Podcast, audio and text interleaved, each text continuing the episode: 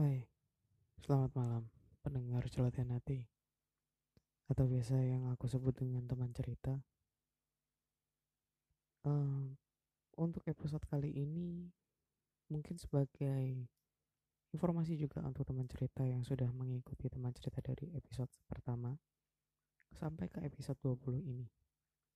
Kenapa di episode 20 ini aku ingin mengganti season dan mengganti tema yang ada di celotehan hati karena dengan di angka 20 ini aku ingin membuat suatu hal yang baru di podcast celotehan hati salah satunya adalah aku akan mengajak teman cerita untuk bercerita di podcast celotehan hati untuk ke depannya. Dan untuk episode penutup di season ini aku ingin bercerita tentang single dan relationship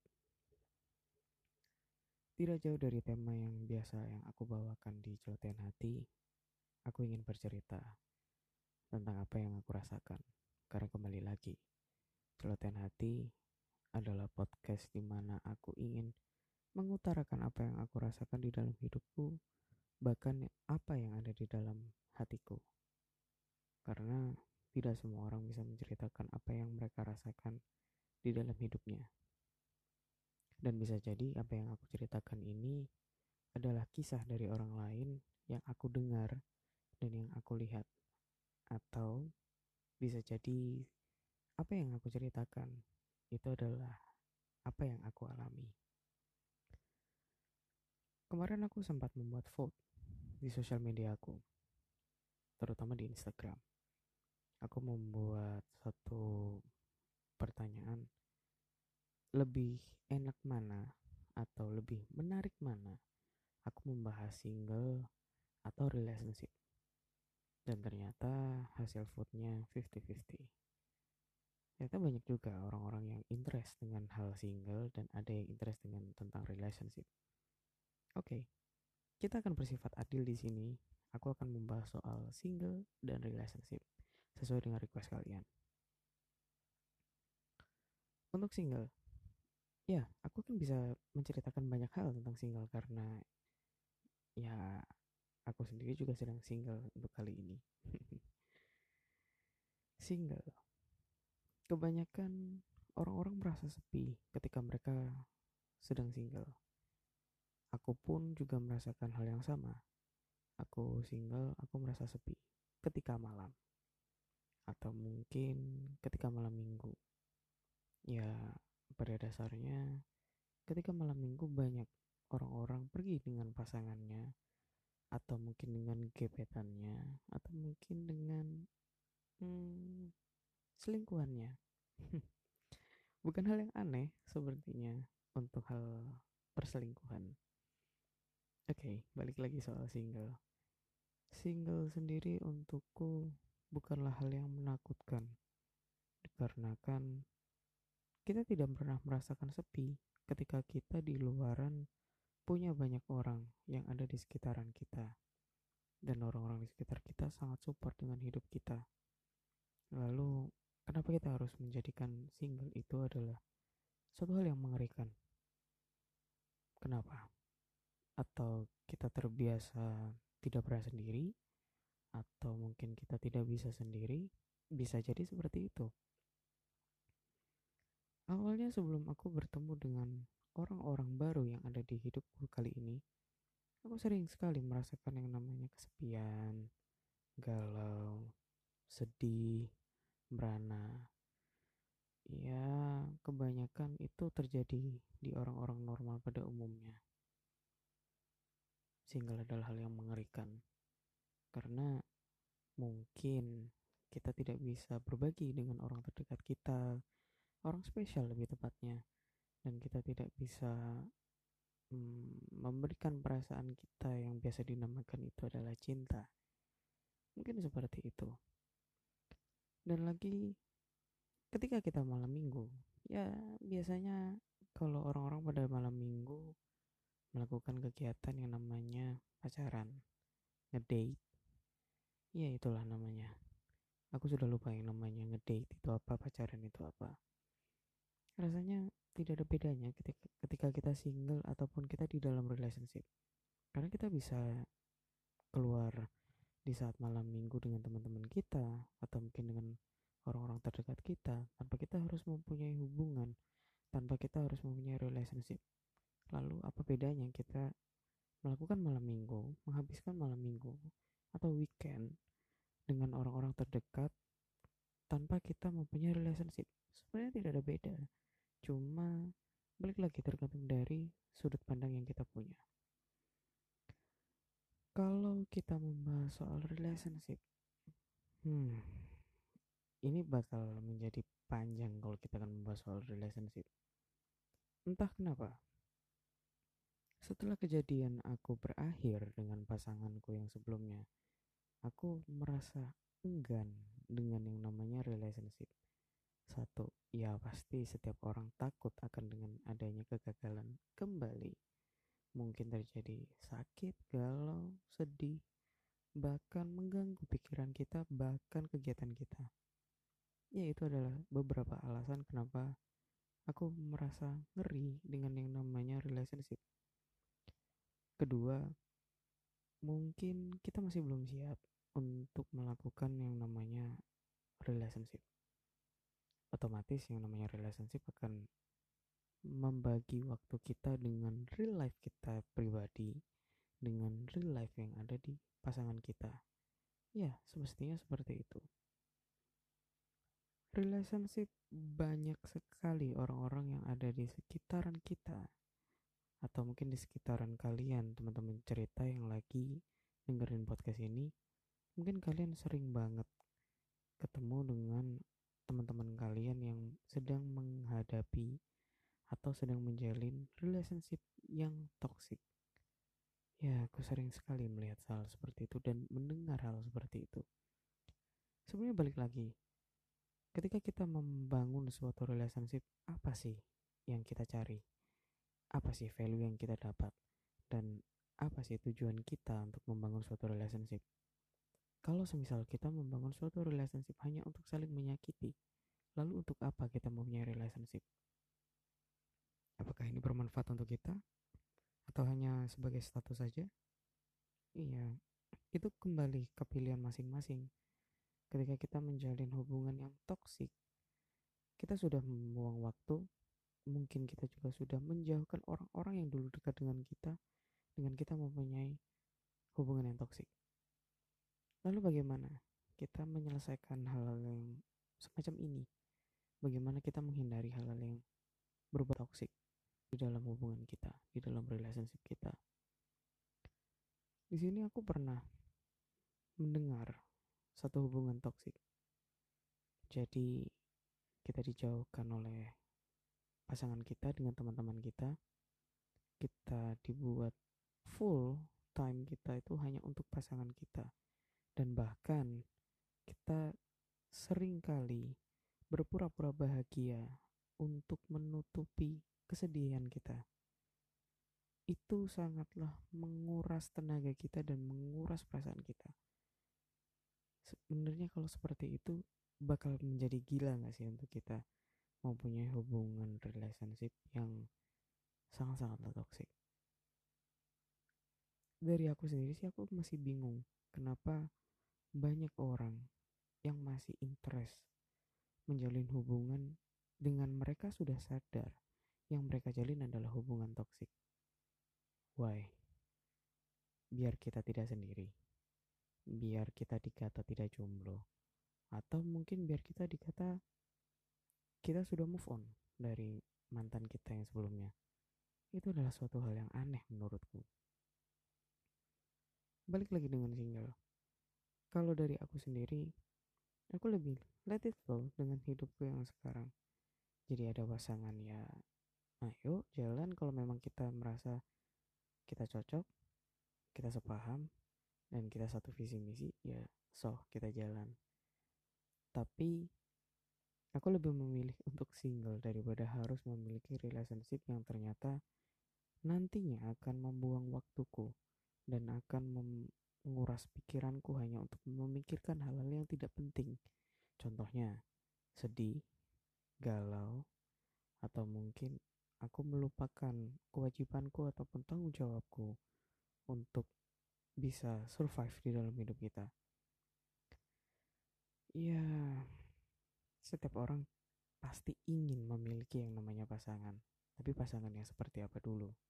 Kalau kita memiliki pasangan yang tidak bisa support kita, yang tidak bisa mengerti kita, lalu untuk apa kita memulai yang namanya relationship? Itu akan sungguh sangat susah untuk kita menjalani hidup ke depannya. Kembali lagi, relationship.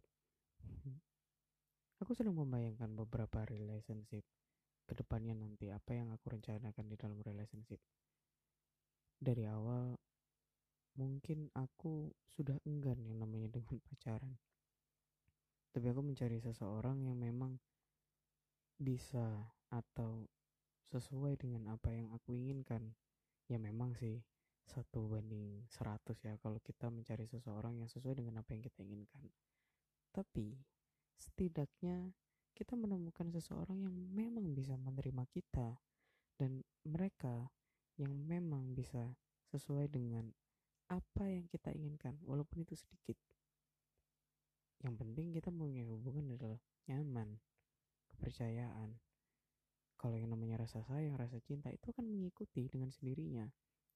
Bahagia. Kalau kita berbicara dengan bahagia, kenapa kita selalu berpatokan kita berpasangan dengan seseorang? A mungkin. Kita bahagia. Berarti kadar bahagianya kita hanyalah berdasarkan dari pasangan kita. Sedangkan kita sendiri tidak bisa menciptakan bahagia kita itu sendiri. Padahal kalau aku telah sendiri, setelah aku mengalami beberapa hal di beberapa tahun belakangan ini, awalnya aku merasa dengan aku memiliki pasangan, itu bisa membuatku bahagia. Ya, memang bahagia, tapi itu adalah bahagia yang egois menurutku.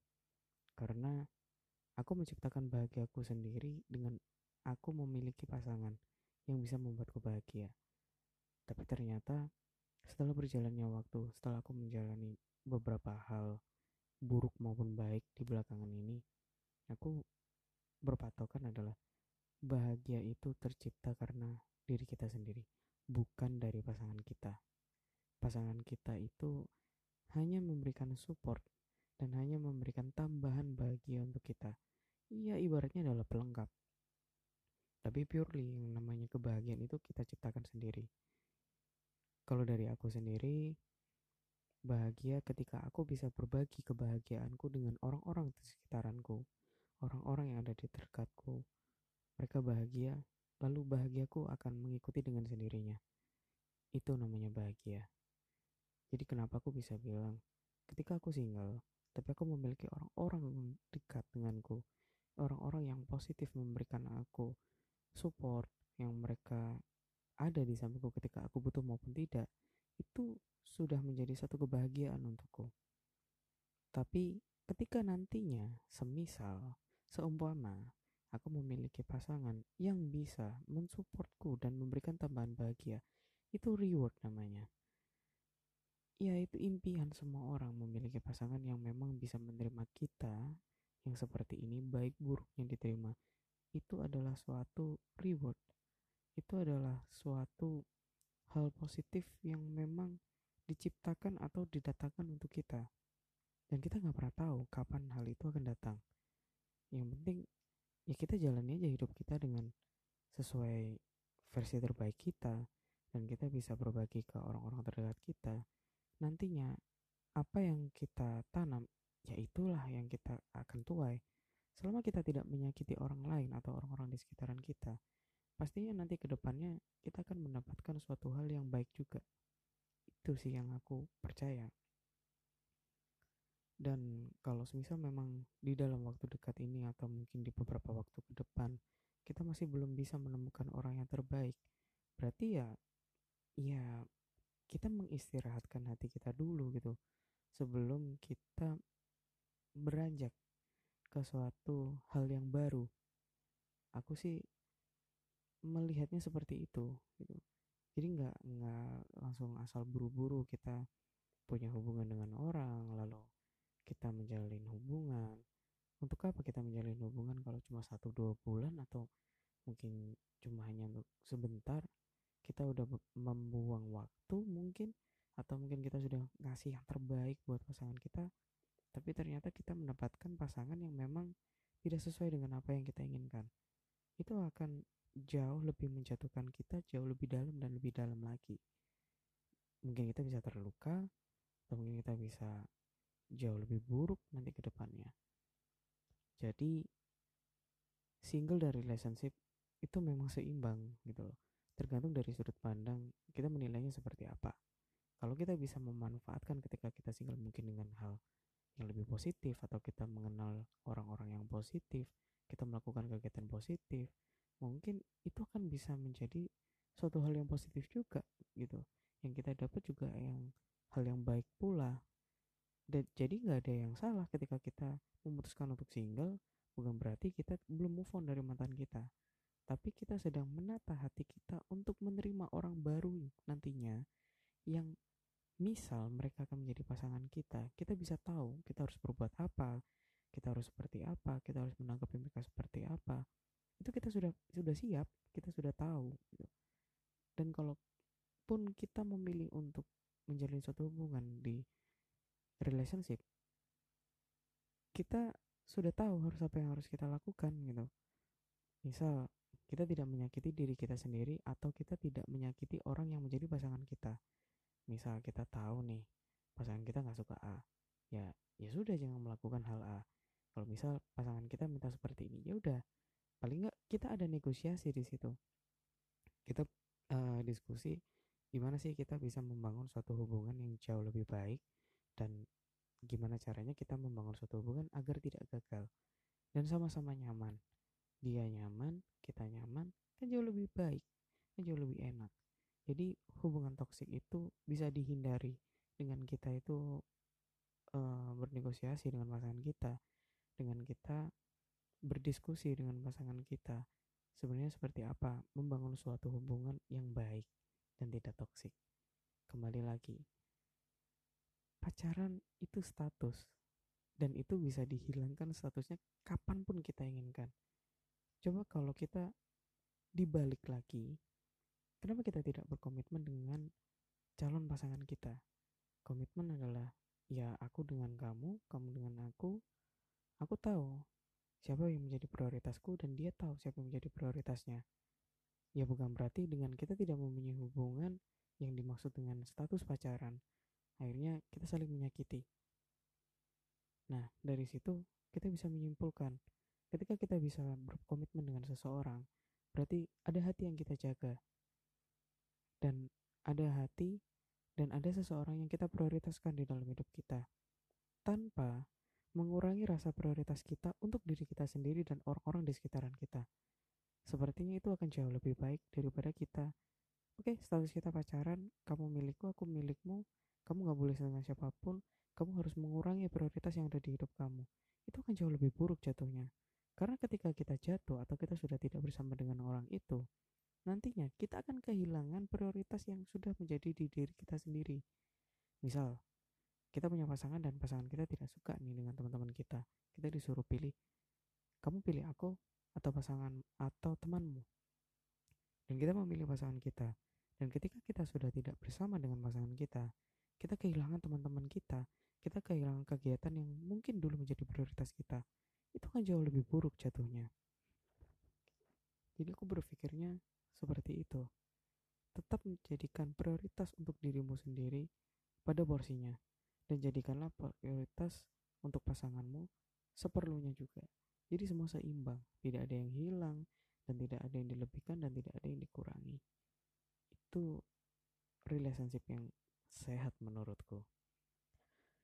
Dan kembali lagi, di podcast celotehan hati ini, aku ingin menyampaikan suatu hal um, bukan berarti ketika kita bertemu dengan orang baru dan orang baru itu merasa nyaman dengan kita merasa kita adalah orang yang tepat untuk dia tapi belum tentu kita sebagai orang yang menerima orang baru itu bisa merasakan hal yang sama bisa jadi mungkin kita mempunyai perasaan yang berbeda dengan orang baru itu. Tidak ada yang salah. Namanya juga dalam proses itu pasti ada yang tidak cocok dan ada yang merasa cocok. Jadi dengan hal seperti itu gak bisa kita tolak ukur oke okay, kamu nyaman dengan aku oke okay, aku akan berusaha untuk nyaman. Tidak seperti itu konsepnya. Jadi beberapa waktu belakangan ini aku merasakan hal seperti itu aku mengenal orang baru ya sebenarnya bukan orang baru orang lama tapi akhirnya kita dipertemukan kembali. Aku merasa hal yang berbeda. Hal yang berbeda adalah dari pihak aku tidak menginginkan suatu hubungan atau yang biasa disebut dengan pacaran.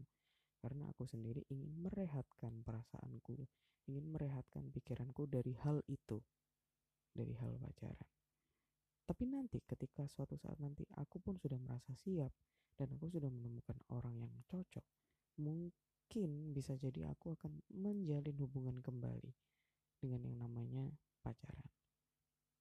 Karena pacaran sebenarnya pada dasarnya adalah ya ini adalah di mana titik kita berproses dengan seseorang untuk menjalin hubungan yang lebih serius. Seperti itu konsepnya. Jadi untuk orang-orang baru tidak bisa memaksakan apa yang ada di hati kita sesuai dengan apa yang mereka inginkan. Begitu juga kita. Seperti itu. Jadi untuk tema hari ini single dan relationship kita bahas bareng-bareng dan seperti itu kalau menurutku. Jadi tidak ada yang salah dengan yang namanya single tidak ada yang salah dengan relationship. Semuanya mempunyai porsi yang berbeda dan mempunyai porsi yang memiliki sudut pandang yang berbeda-beda. Kalau kalian memang memiliki sudut pandang single adalah hal yang buruk ya itu pilihan kalian tapi untuk kalian yang merasa ketika kalian memiliki relationship itu adalah hal yang baik itu juga sudut pandang kalian kalau menurut sudut pandangku seperti yang aku bilang tadi. Untuk episode selanjutnya atau season selanjutnya di celotehan hati, kita akan memulai dengan mengajak teman cerita untuk bercerita apa pun itu dengan tema apa pun itu di celotehan hati. Jadi kalian bisa menceritakan apa pun itu tentang hidup kalian, percintaan kalian, pekerjaan kalian, hidup kalian, keluarga kalian, teman kalian apa pun itu kalian bisa bercerita di celotehan hati.